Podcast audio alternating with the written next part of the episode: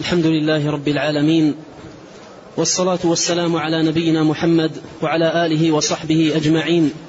أما بعد فيقول شيخ الإسلام أحمد بن عبد الحليم بن عبد السلام بن تيمية رحمه الله تعالى وغفر له ولشيخنا والسامعين.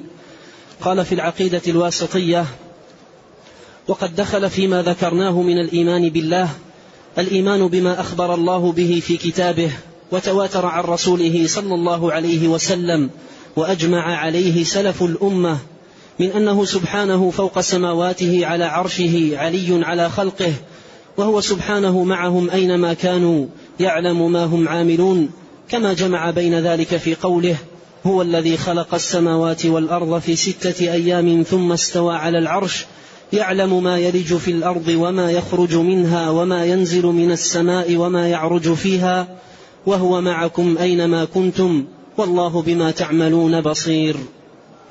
وليس معنى قوله وهو معكم أنه مختلط بالخلق فإن هذا لا تجبه اللغة وهو خلاف ما أجمع عليه سلف الأمة وخلاف ما فطر الله عليه الخلق. بل القمر آية من آيات الله من أصغر مخلوقاته وهو موضوع في السماء وهو مع المسافر وغير المسافر أينما كان.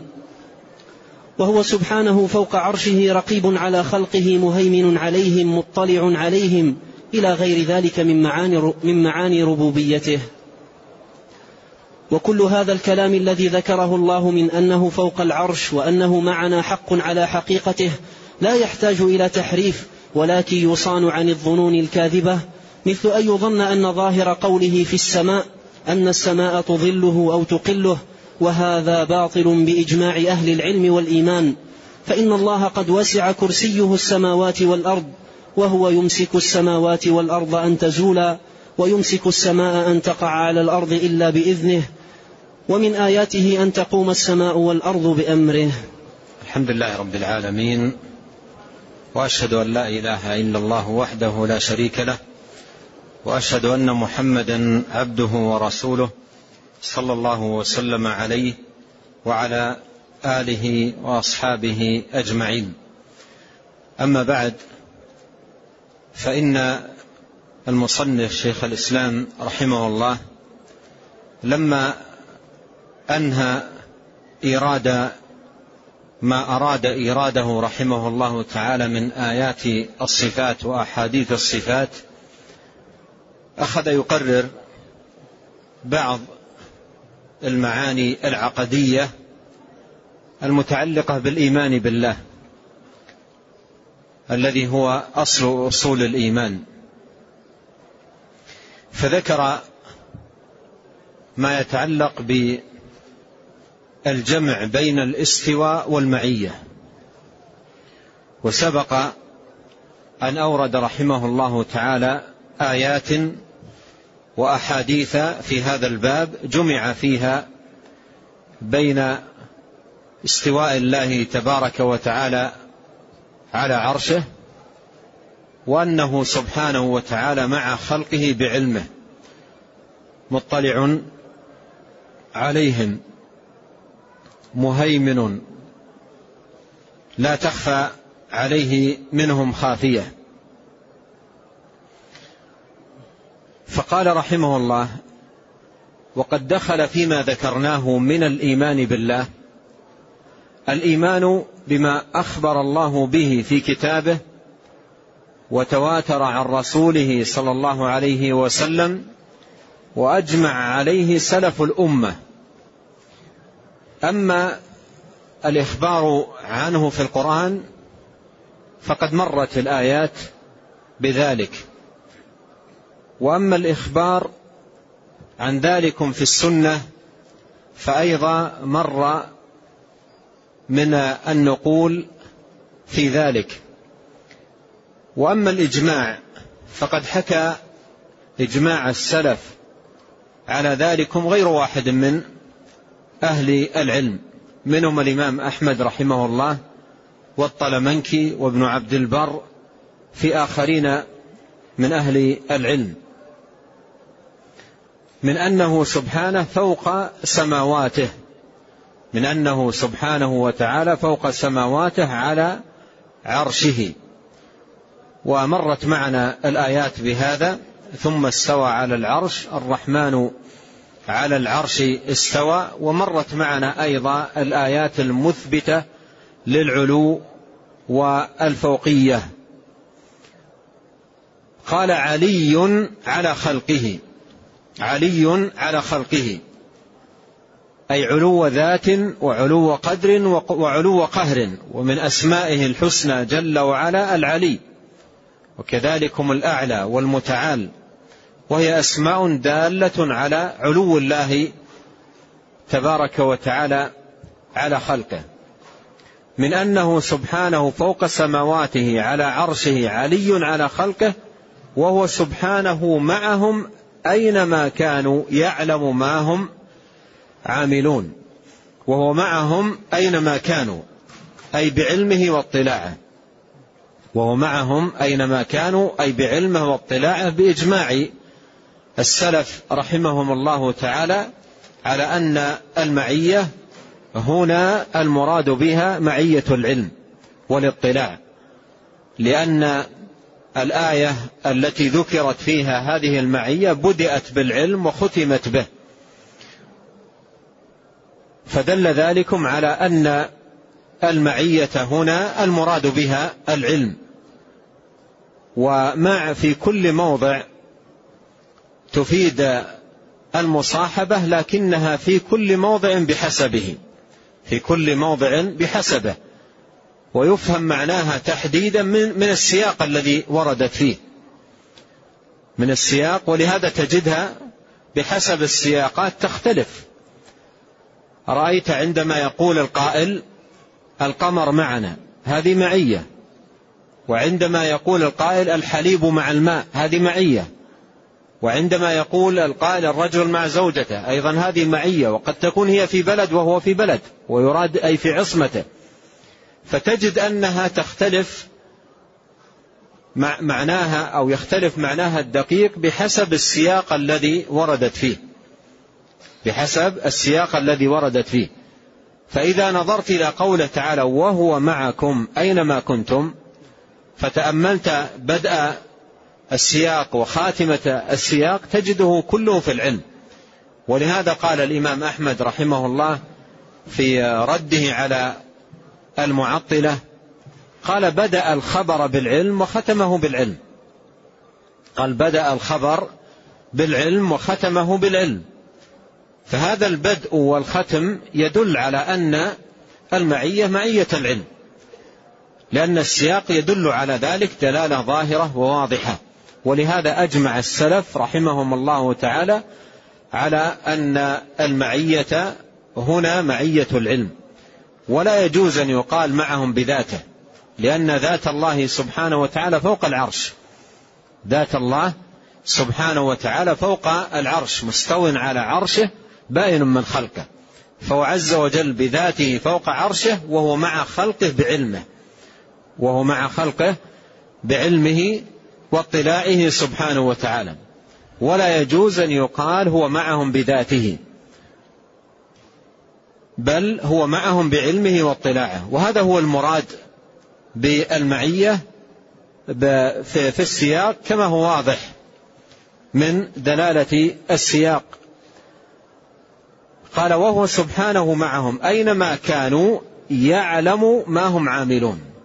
قوله معهم أينما كانوا يعلم ما هم عاملون وضح رحمه الله ببيانه هذا أن هذا هو المراد بالمعية أنه معهم يعلم ما هم عاملون. كما جمع بين ذلك في قوله هو الذي خلق السماوات والأرض في ستة أيام ثم استوى على العرش. إلى هنا قرر علو الله سبحانه وتعالى واستواءه على عرشه. ثم انتقل السياق إلى معنى آخر وهو إثبات العلم والاطلاع وأنه سبحانه وتعالى لا تخفى عليه خافية. قال يعلم ما يلج في الأرض وما يخرج منها وما ينزل من السماء وما يعرج فيها وهو معكم أينما كنتم. والله بما تعملون بصير أي مطلع على أعمالكم بصير بها لا تخفى عليه منكم خافية. فالسياق واضح. السياق قرر في صدر الآية استواء الله على عرشه وأنه بائن من خلقه سبحانه وتعالى ثم انتقل السياق إلى الكلام على العلم وأن علم الله سبحانه وتعالى محيط بكل شيء يعلم ما يلج في الأرض وما يخرج منها وما ينزل من السماء وما يعرج فيها وهو معكم أينما كنتم. معكم بماذا؟ أيصح أن يقال بذاته؟ ذاته فوق العرش كما قرر في أول الآية وصدرها ثم استوى على العرش. وهو معكم أي بعلمه واطلاعه. ولهذا قال الإمام مالك رحمه الله وغيره من أئمة السلف قالوا الله فالله فوق عرشه وهو بعلمه في كل مكان بعلمه وعلمه في كل مكان وعلمه في كل مكان. الله فوق العرش وعلمه في كل مكان. أي مطلع على كل شيء. لا تخفى عليه سبحانه وتعالى خافية. قال وليس معنى قوله وهو معكم أنه مختلط بالخلق. ليس معنى وهو معكم أنه مختلط بالخلق. الذين أخذوا هذا المعنى من, من الآية كيف صنعوا؟ الذين أخذوا هذا المعنى من الآية كيف صنعوا؟ جردوا الآية عن السياق الذي وردت فيه وجردوها عن أولها وعن خاتمتها وانتزعوا هذا الموضع من الآية قالوا وهو معكم أينما كنتم. مستدلين به على عقيدتهم الباطلة وضلالتهم النكراء أن الله بذاته في كل مكان. وهذا من أفسد ما يكون في الاستدلال.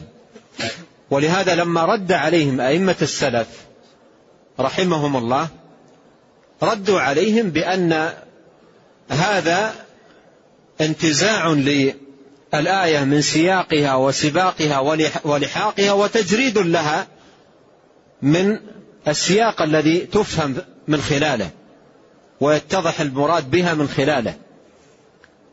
وهذه طريقة أهل البدع يحذف أو يجرد آه، السياق أو يجرد الآية من السياق الذي وردت فيه ليستدل بها على باطل. مثل من استدل أو يقتصر على قوله تعالى فويل للمصلين. فويل للمصلين ويترك ما بعدها. يجرد الآية من من سياقها ولحاقها وتمامها مما يتضح به معناها ثم يستدل بها على باطله. فذاك يستدل بتلك الطريقة على التهاون بالصلاة والتقليل من شأنها وهذا يستدل بهذه الطريقة على عقيدته الفاسد الفاسدة وضلالته النكراء. فإذا لا لا تجرد. وإنما يقرأ السياق بتمامه ويفهم المراد وهو معكم أينما كنتم أي بعلمه لأن السياق كله في تقرير العلم. كما قال الإمام أحمد رحمه الله في رد على الجهمية قال بدأ الخبر بالعلم وختمه بالعلم. بدأ الخبر بالعلم وختمه بالعلم فيكون المعنى أي معكم بعلمه واطلاعه. قال ليس معنى قوله وهو معكم أنه مختلط بالخلق. فإن هذا لا توجبه اللغة. هذا الآن الرد الأول على هذا القول الباطل. قال فإن هذا لا توجبه اللغة. هل مع في اللغة توجب الاختلاط؟ الآن عندما يقول القائل القمر معنا. وهذا قول صحيح شائع معروف. القمر معنا. هل هذا يوجب اختلاطا وامتزاجا؟ لا يقول ذلك أحد. عندما يقول القائل زوجتي معي وتكون هي في بلد وهو في بلد آخر مريدا بذلك أنها في عصمتي. أنها في عصمتي. ولهذا نظائر كثيرة جدا. فأولا اللغة لا توجب ذلك. اللغة لا توجب ذلك. لا توجب أن قوله وهو معكم أينما كنتم لا توجب الممازجة والإختلاط. هذا أولا. ثانيا قال وهو خلاف ما أجمع عليه سلف الأمة. وهو خلاف ما أجمع عليه سلف الأمة. أي أن هذا الفهم الفاسد لا يعرف إطلاقا عن أحد من سلف الأمة. فإذا هذه مشاقة ومخالفة في الفهم لما عليه السلف الصالح رضي الله عنهم وأرضاهم.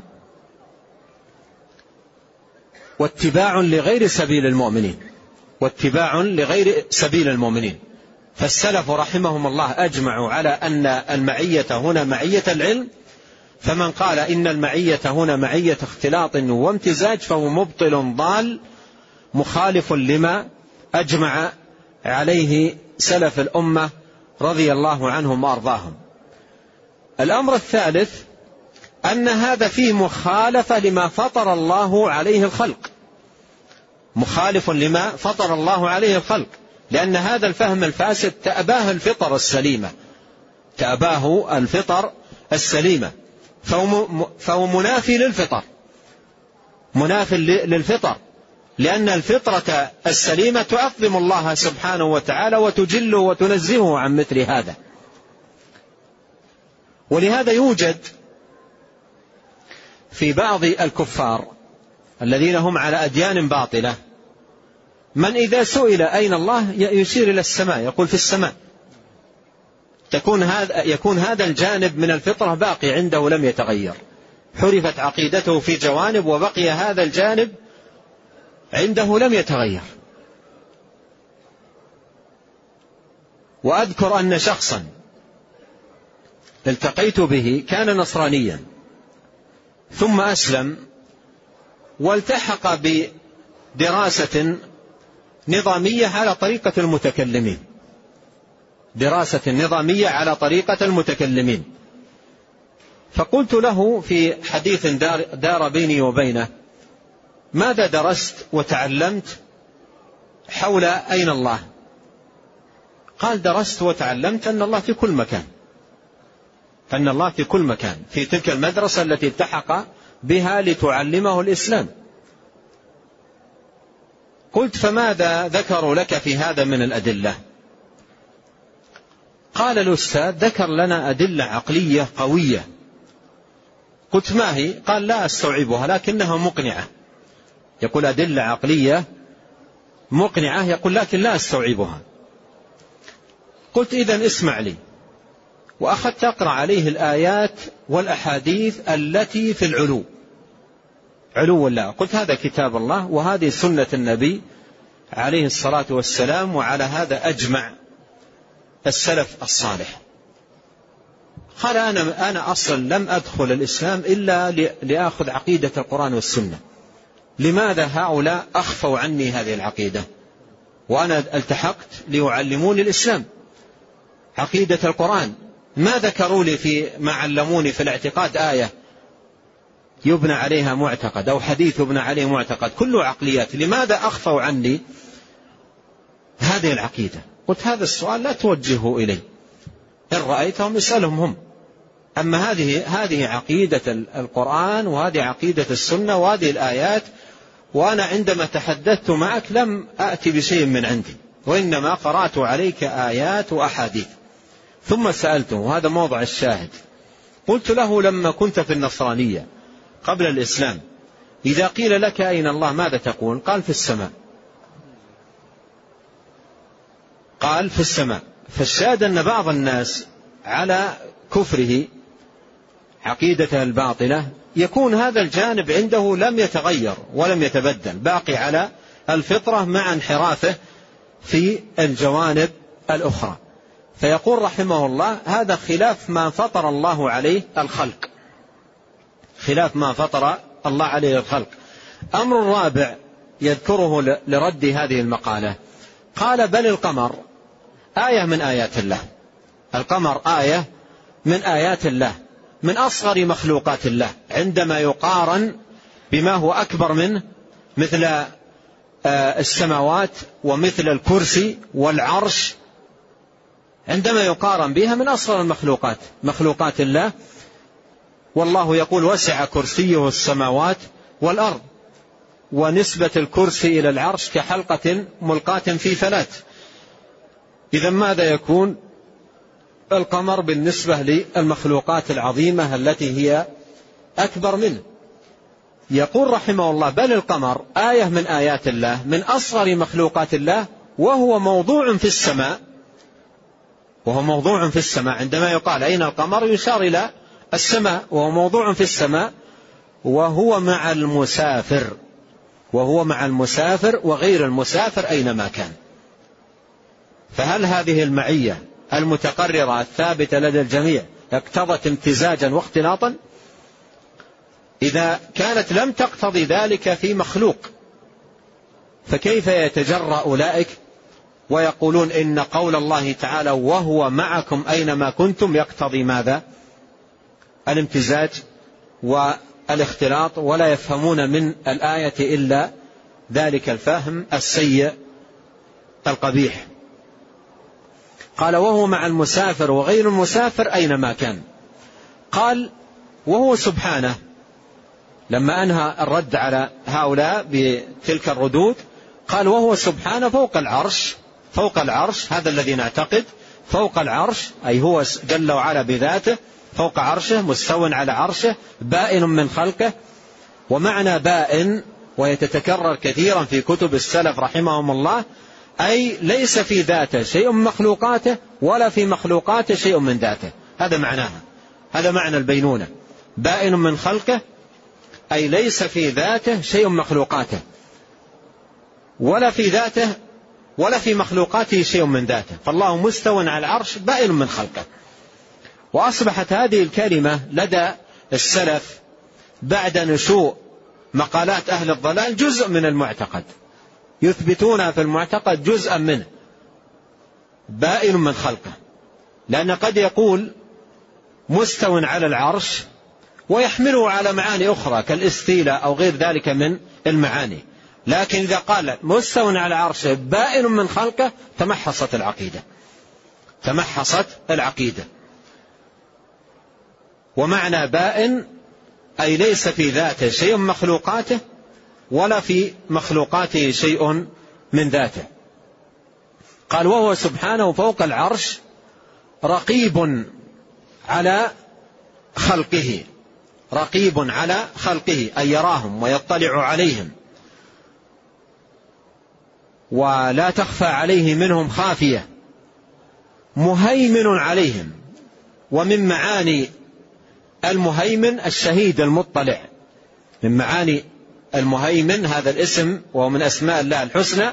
له دلالات من دلالته من دلالاته الشهيد المطلع. الذي لا تخفى عليه خافية.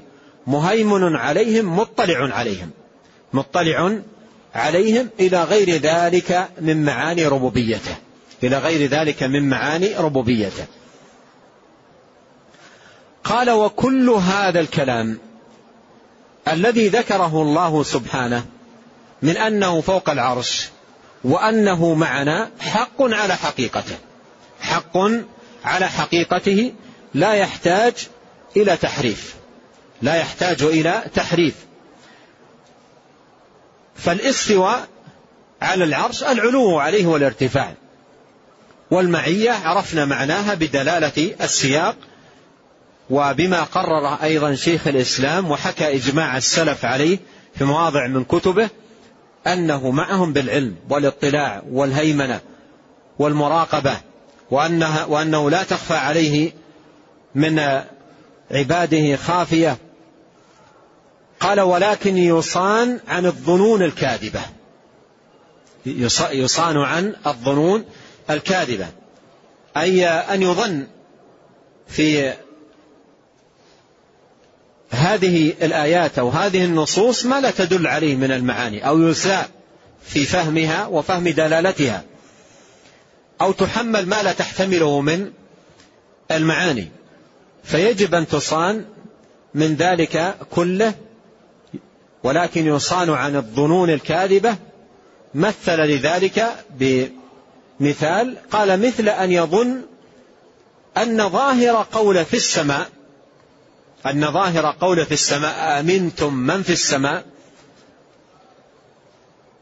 ارحموا من في الأرض يرحمكم من في السماء ونحو هذه النصوص أن يفهم أن ظاهر أنه في السماء أن السماء تقله أو تظله. تقله أو تظله ولا يقول ذلك ويظنه إلا من ساء ظنه برب العالمين. هذا من سوء الظن برب العالمين. وذلكم ظنكم الذي ظننتم بربكم أرداكم. وذلكم ظنكم الذي ظننتم بربكم أرداكم فأصبحتم من الخاسرين. الظن السيء بالله يردي صاحبه. ويؤدي به إلى الهلكة. يردي صاحبه ويؤدي به ويفضي به إلى الهلكة. فيجب أن تصان من الظنون الفاسدة. من الظنون الفاسدة مثل ما أشار أن يظن الظان أن قوله في السماء آه أن قوله في السماء ظاهره أن السماء تقله أو تظله. ما معنى تقله؟ أي تحمله ويحتاج إليها. تحمله ويحتاج إليها. لا يقول ذلك إلا من هو سيء الظن بالله رب العالمين.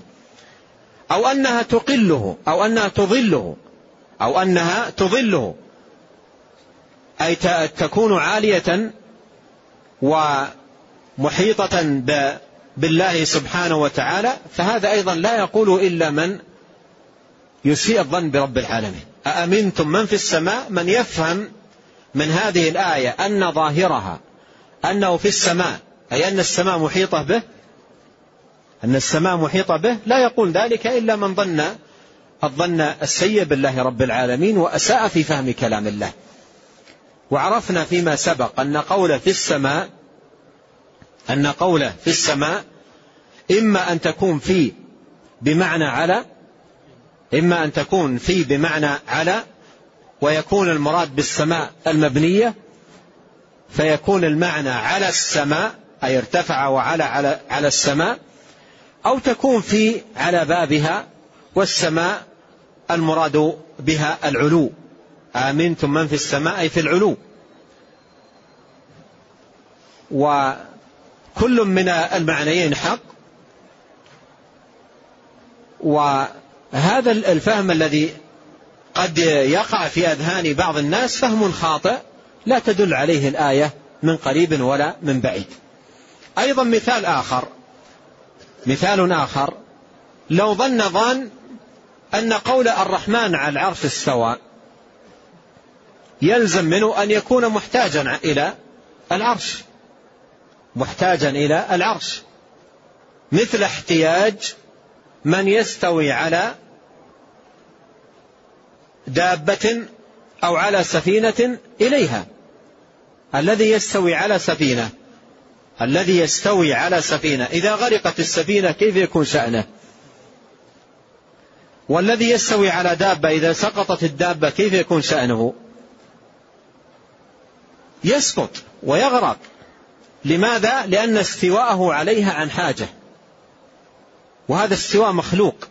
والله جل شأنه منزه عن ذلك. فمن ظن في قوله ثم استوى على العرش أن ذلكم يلزم منه الاحتياج للعرش فهذا سيء الظن برب العالمين. وهذا قاله أهل البدع في كتبهم صراحة قالوا يلزم من إثبات الاستواء لله على العرش حقيقة أن يكون محتاجا إلى العرش. وهذا مبني على ماذا؟ مبني على ماذا؟ على تشبيه منهم للخالق بالمخلوق تعالى الله عما يقولون. ثم بنوا على ذلك إنكار الاستواء. بنوا على ذلك إنكار الاستواء وجحده وعدم الإيمان به. بينما أهل الحق يقولون الله مستو على العرش حقيقة وفي الوقت نفسه غني عن العرش وعما دون العرش.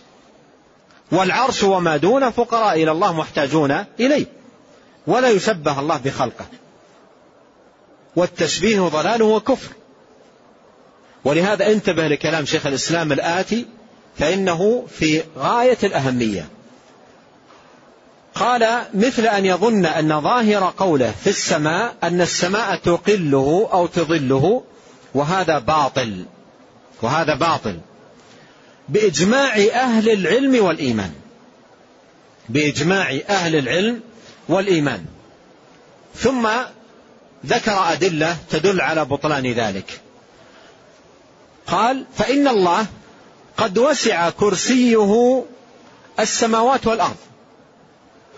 قد وسع كرسيه السماوات والأرض. وهو الذي يمسك السماوات والأرض أن تزولا وهو الذي يمسك السماوات والأرض أن تزولا ويمسك السماء أن تقع الأرض إلا بإذنه. ومن آياته أن تقوم السماء والأرض بأمره. فهذه المخلوقات كلها الكرسي والسماوات والأرض جميعها إنما قيامها بالله. هو الذي يمسكها سبحانه وتعالى بقدرته وبإذنه وبمشيئته سبحانه وتعالى. هو الذي يمسك الكرسي ويمسك السماوات ويمسك الأرض بقدرته وبمشيئته وبإذنه سبحانه وتعالى مثل ما واضح في الآيات ويمسك السماء أن تقع على الأرض إلا بإذنه ومن آياته أن تقوم السماء والأرض بأمره. إذا الكرسي والعرش والسماوات والأرض كل هذه مخلوقات فقيرة إلى الله محتاجة إليه. أما الرب أما الرب سبحانه وتعالى فإنه غني عن كل ذلك. وعليه فإنك إذا جمعت بين آيات الاستواء إذا جمعت بين آيات الاستواء وهذه الآيات إن الله يمسك السماوات والأرض من آياته أن تقوم السماء والأرض بأمره. إذا جمعت بين آيات الاستواء وهذه الآيات ما النتيجة التي تخرج بها؟ ما النتيجة التي تخرج بها من مجموع هذه الآيات؟ آيات الاستواء وهذه الآيات الكريمات. أن الله مستو على العرش وغني عنه وغني عنه وعما دونه. هذه نتيجة تستفاد من هذه الآيات. الآيات التي تثبت الاستواء والآيات التي تثبت الغنى غنى الله عن المخلوقات. مثل هذه الآيات التي ساق رحمه الله. فإذا جمعت بينها خرجت بنتيجة أن الله مستو على العرش حقيقة كما أخبر وهو غني عن العرش سبحانه وتعالى وعما دونه كما أخبر. فإذا قال لك قائل يلزم من استواء وهذا موجود بكثرة في كتب من ينكرون استواء الله.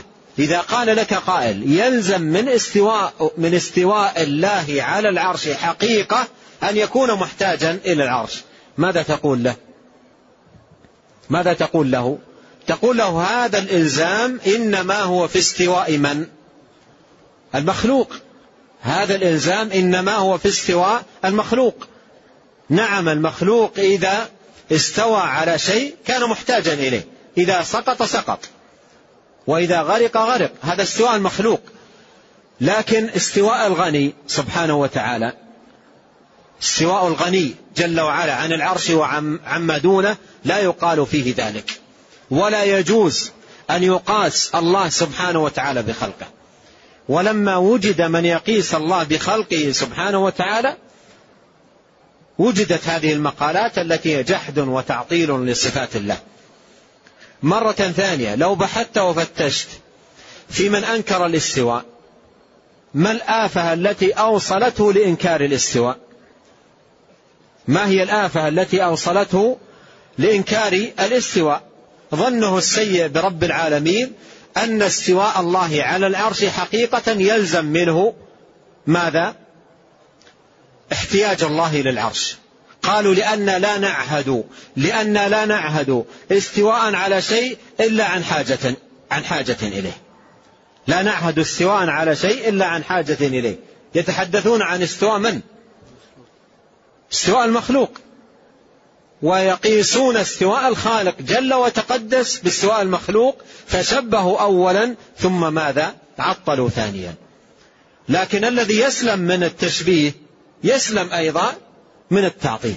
فأهل السنة يقولون الله جل شأنه مستو على عرشه حقيقة استواء يليق بجلاله وكماله وعظمته وفي الوقت نفسه يقولون وهو جل وعلا غني عن العرش وما دونه. والعرش وما دونه كلهم فقراء إلى الله عز وجل فقرهم إليه فقر ذاتي لا غنى لهم عنه لحظة واحدة. لا غنى لهم عنه لحظة واحدة. نعم.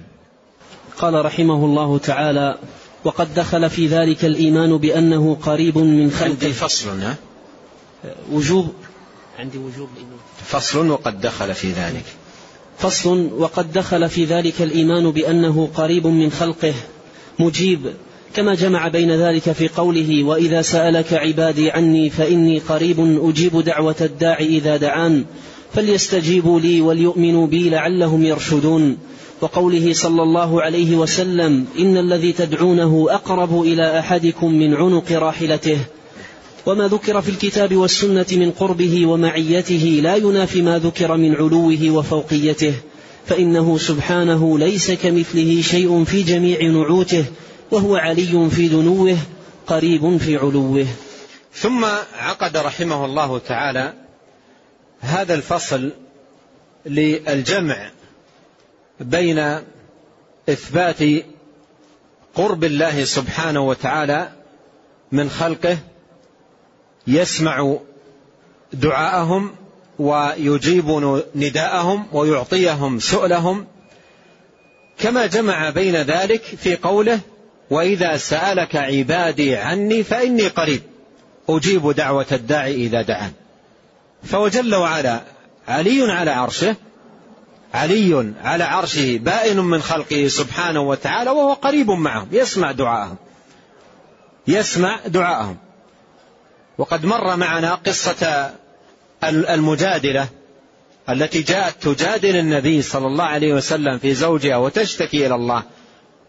وعائشة رضي الله عنها كانت في البيت وما كانت تسمع. ما تقول؟ فما أن انتهت المرأة من مجادلتها النبي صلى الله عليه وسلم إلا وينزل قول الله قد سمع الله. قول التي تجادلك في زوجها وتشتكي إلى الله. ولو أن الناس أجمعين في لحظة واحدة دعوا الله وسألوه وكل عرض حاجته لسمعهم أجمعين. فهو عز وجل مع استواءه على عرشه قريب من عباده. قريب من عباده. فإني قريب أجيب دعوة الداعي. إذا دعان فليستجيبوا لي وليؤمنوا بي لعلهم يرشدون. قال وقوله صلى الله عليه وسلم إن الذي تدعونه أقرب إلى أحدكم من عنق راحلة. من عنق راحلته. وقد مر معنا الحديث. لما رفع بعض الصحابة أصواتهم بالدعاء. قال لهم النبي عليه, عليه الصلاة والسلام إنكم لا تدعون أصم ولا غائبا وإنما تدعون سميعا بصيرا أقرب إلى أحدكم من عنق راحلته. وهذا قرب خاص وكذلك الذي في الآية قرب خاص من عباده المؤمنين. قرب خاص من عباده المؤمنين. يجيب آه الداعي إذا دعاه ويثيب العابد ويعطي السائل ويغفر للمستغفر. إن رحمة الله قريب من المحسنين. وأقرب ما يكون العبد من ربه وهو ساجد. قال وما ذكر في الكتاب والسنة من قربه ومعيته لا ينافي ما ذكر من علوه وفوقيته. كل ذلكم حق. كل ذلكم حق دلت عليه النصوص ولا تعارض بينه إذا سلم العبد من الفهم السيء أو الظن السيء بكلام الله جل وعلا رب العالمين. قال فإنه سبحانه ليس كمثله شيء في جميع نعوته. وهذا فيه إبطال للأقيسة الفاسدة التي جرت بأصحابها إلى العقائد الباطلة. عندما لم يفهموا من الصفات إلا ما يرونه في الشاهد. ويعاينونه في الشاهد. فقاسوا الله سبحانه وتعالى بخلقه وبنوا على ذلك آه، ما آه، وصلوا إليه من عقائد باطلة.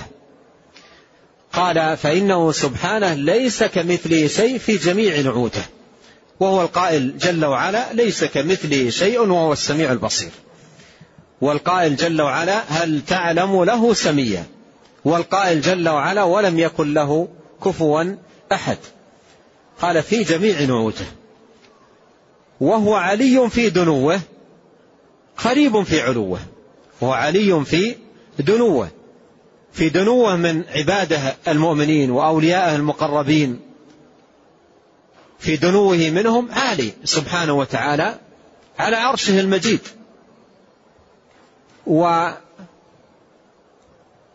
وهو علي في دنوة قريب في علوة. قريب في علوة. في علوه على عرشه قريب من عباده. وإذا سألك عبادي عني فإني قريب. أجيب دعوة الداعي إذا دعان. فمع علوه على عرشه واستوائه على عرشه ومباينته لخلقه هو قريب من عباده. سبحانه وتعالى.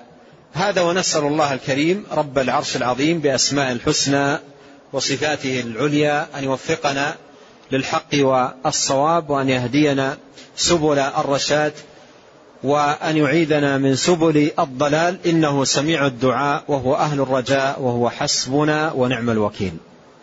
نعم. أحسن الله إليكم وبارك فيكم ونفعنا الله بما قلتم وغفر الله لنا ولكم وللمسلمين. يقول هذا السائل هل العالي من أسماء الله؟ أسماء الله التي فيها إثبات العلو ثلاثة.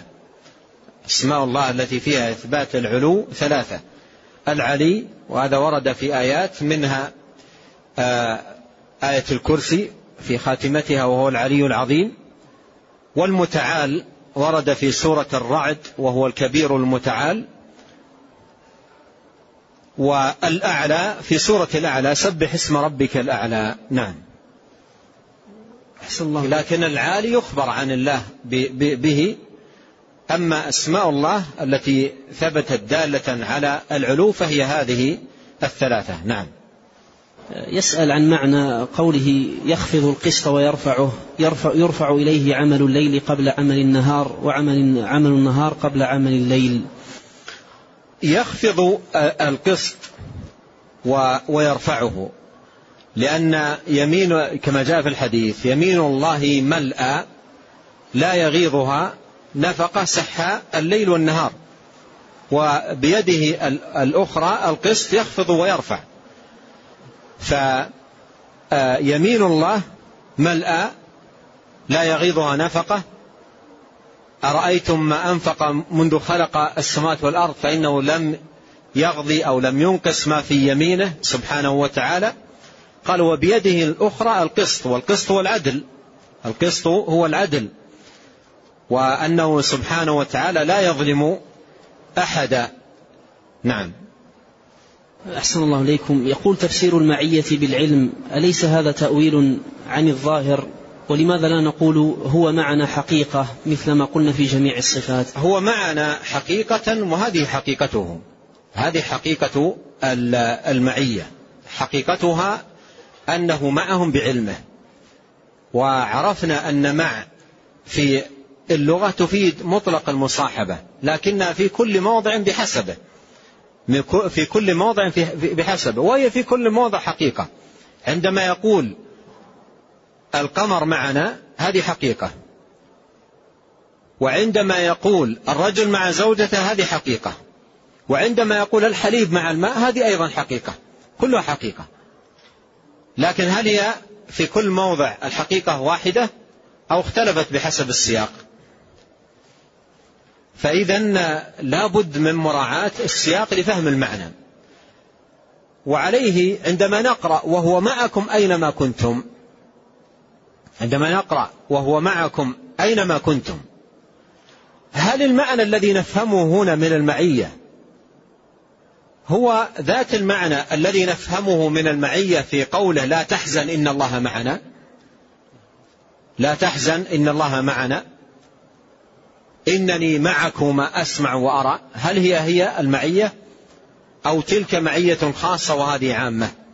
تلك معية علم واطلاع وهذه معية حفظ وتسديد وتأييد.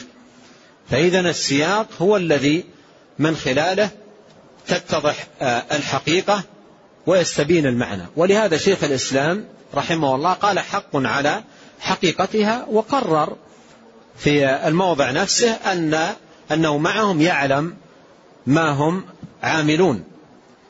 وحكى الإجماع في مواضع من كتبه رحمه الله أن المعية معية العلم. نعم. أحسن الله إليكم يقول جزاكم الله خيرا. ذكر بعض السلف أن من اشتغل بالنفل دون الفرض فهو مغرور. فهل من اشتغل بطلب العلم والمذاكرة فيه ثم يتأخر عن الصلاة أو تفوته تكبيرة الإحرام أو عدم تسوية الصفوف؟ هل يدخل في هذه المقولة؟ نعم يدخل. يدخل لأن الفرض مقدم. وفي الحديث القدسي ما تقرب إلي عبدي بشيء أحب إلي مما افترضته عليه. والفرض تتقرب إلى الله سبحانه وتعالى به من مبدئه إلى منتهاه. وتكبيرة الإحرام مهمة. وبعض السلف كان ينقل عنه إذا رأيت الرجل لا يبالي بتكبيرة الإحرام فاغسل يديك منه. يعني أنه رجل مفرط. ما تقرب عبد إلى الله بشيء أحب مما افترض الله عليه. ومن يعني في هذا الباب ملاحظات غريبة حتى على بعض طلبة العلم. تجد إذا أقيمت الصلاة بعضهم إذا أقيمت الصلاة وكبر الإمام تكبيرة الإحرام بعضهم يتذكر أنه لم يتسوك. فيخرج المسواك والإمام كبر تكبيرة الإحرام. يخرج المسواك ويتمسوك حتى يصل إلى منتصف الفاتحة. ثم يدخل المسواك ويكبر. وأهل العلم يقولون أن الركن يفوت بالدخول في الركن الآخر. الركن يفوت بالدخول بالركن الآخر. فإذا قرأ الإمام الفاتحة إذا شرع الإمام بقراءة الفاتحة لا تكون أدركت معه تكبيرة الإحرام. لا تكون أدركت معه تكبيرة الإحرام. فكيف بمن لم يشتغل بالسواك وإنما اشتغل بحديث مع صاحبه؟ وهذا يحصل أيضا. حتى لو كان الحديث في مسألة علمية والصلاة قائمة ويلاحظ أحيانا الصلاة قائمة وبعض الناس يتحدث مع صاحب الله ويفوت على نفسه إدراك تكبيرة الإحرام وإدراك أول الصلاة ويؤذي المصلين بحديثه مع صاحبه.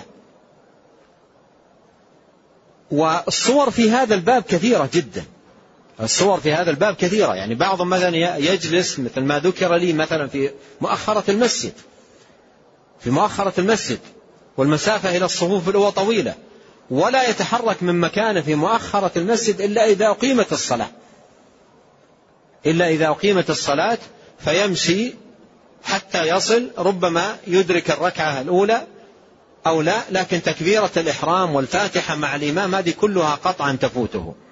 هذا كله من الخطأ. ولنتذكر دائما قول ربنا ما تقرب إلي عبدي بشيء أحب إلي مما افترضته عليه. ما تقرب إلي عبدي بشيء أحب إلي مما افترضته عليه. والعجب عندما يكون الإنسان في المسجد العجب عندما يكون الإنسان في المسجد ثم يتماهن ويتمادى حتى تفوته آه، يفوته أول الصلاة مع إمامه. حتى تفوته أو يفوته أول الصلاة مع إمامه. فهذه من الأمور التي حقيقة ينبغي أن نلاحظها وأن نتعاون على تلافيها والبعد عنها محافظة على هذا الفرض الذي ما تقرب متقرب إلى الله بأعظم منه.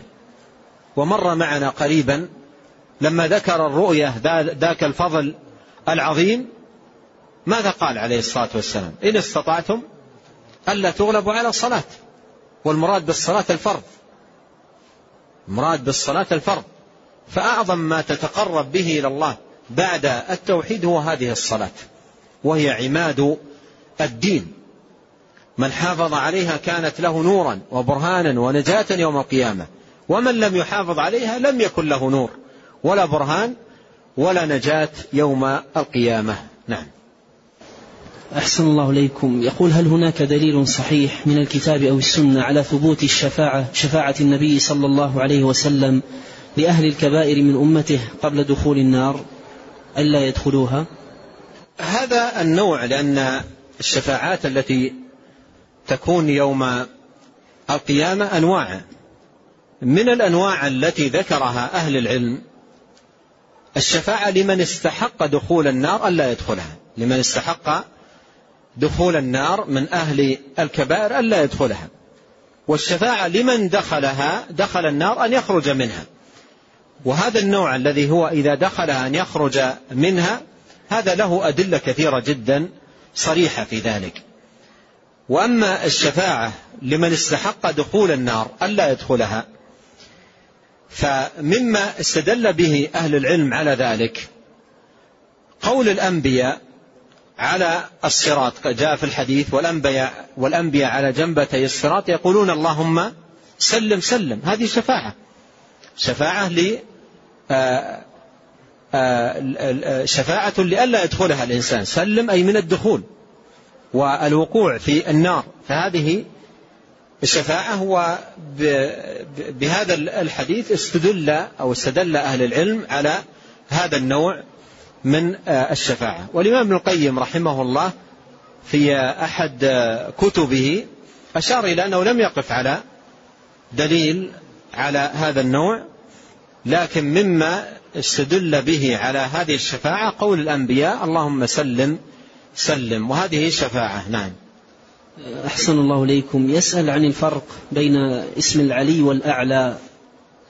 هذه الأسماء الثلاثة العلي والأعلى والمتعال كلها أسماء دالة على علو الله تبارك وتعالى.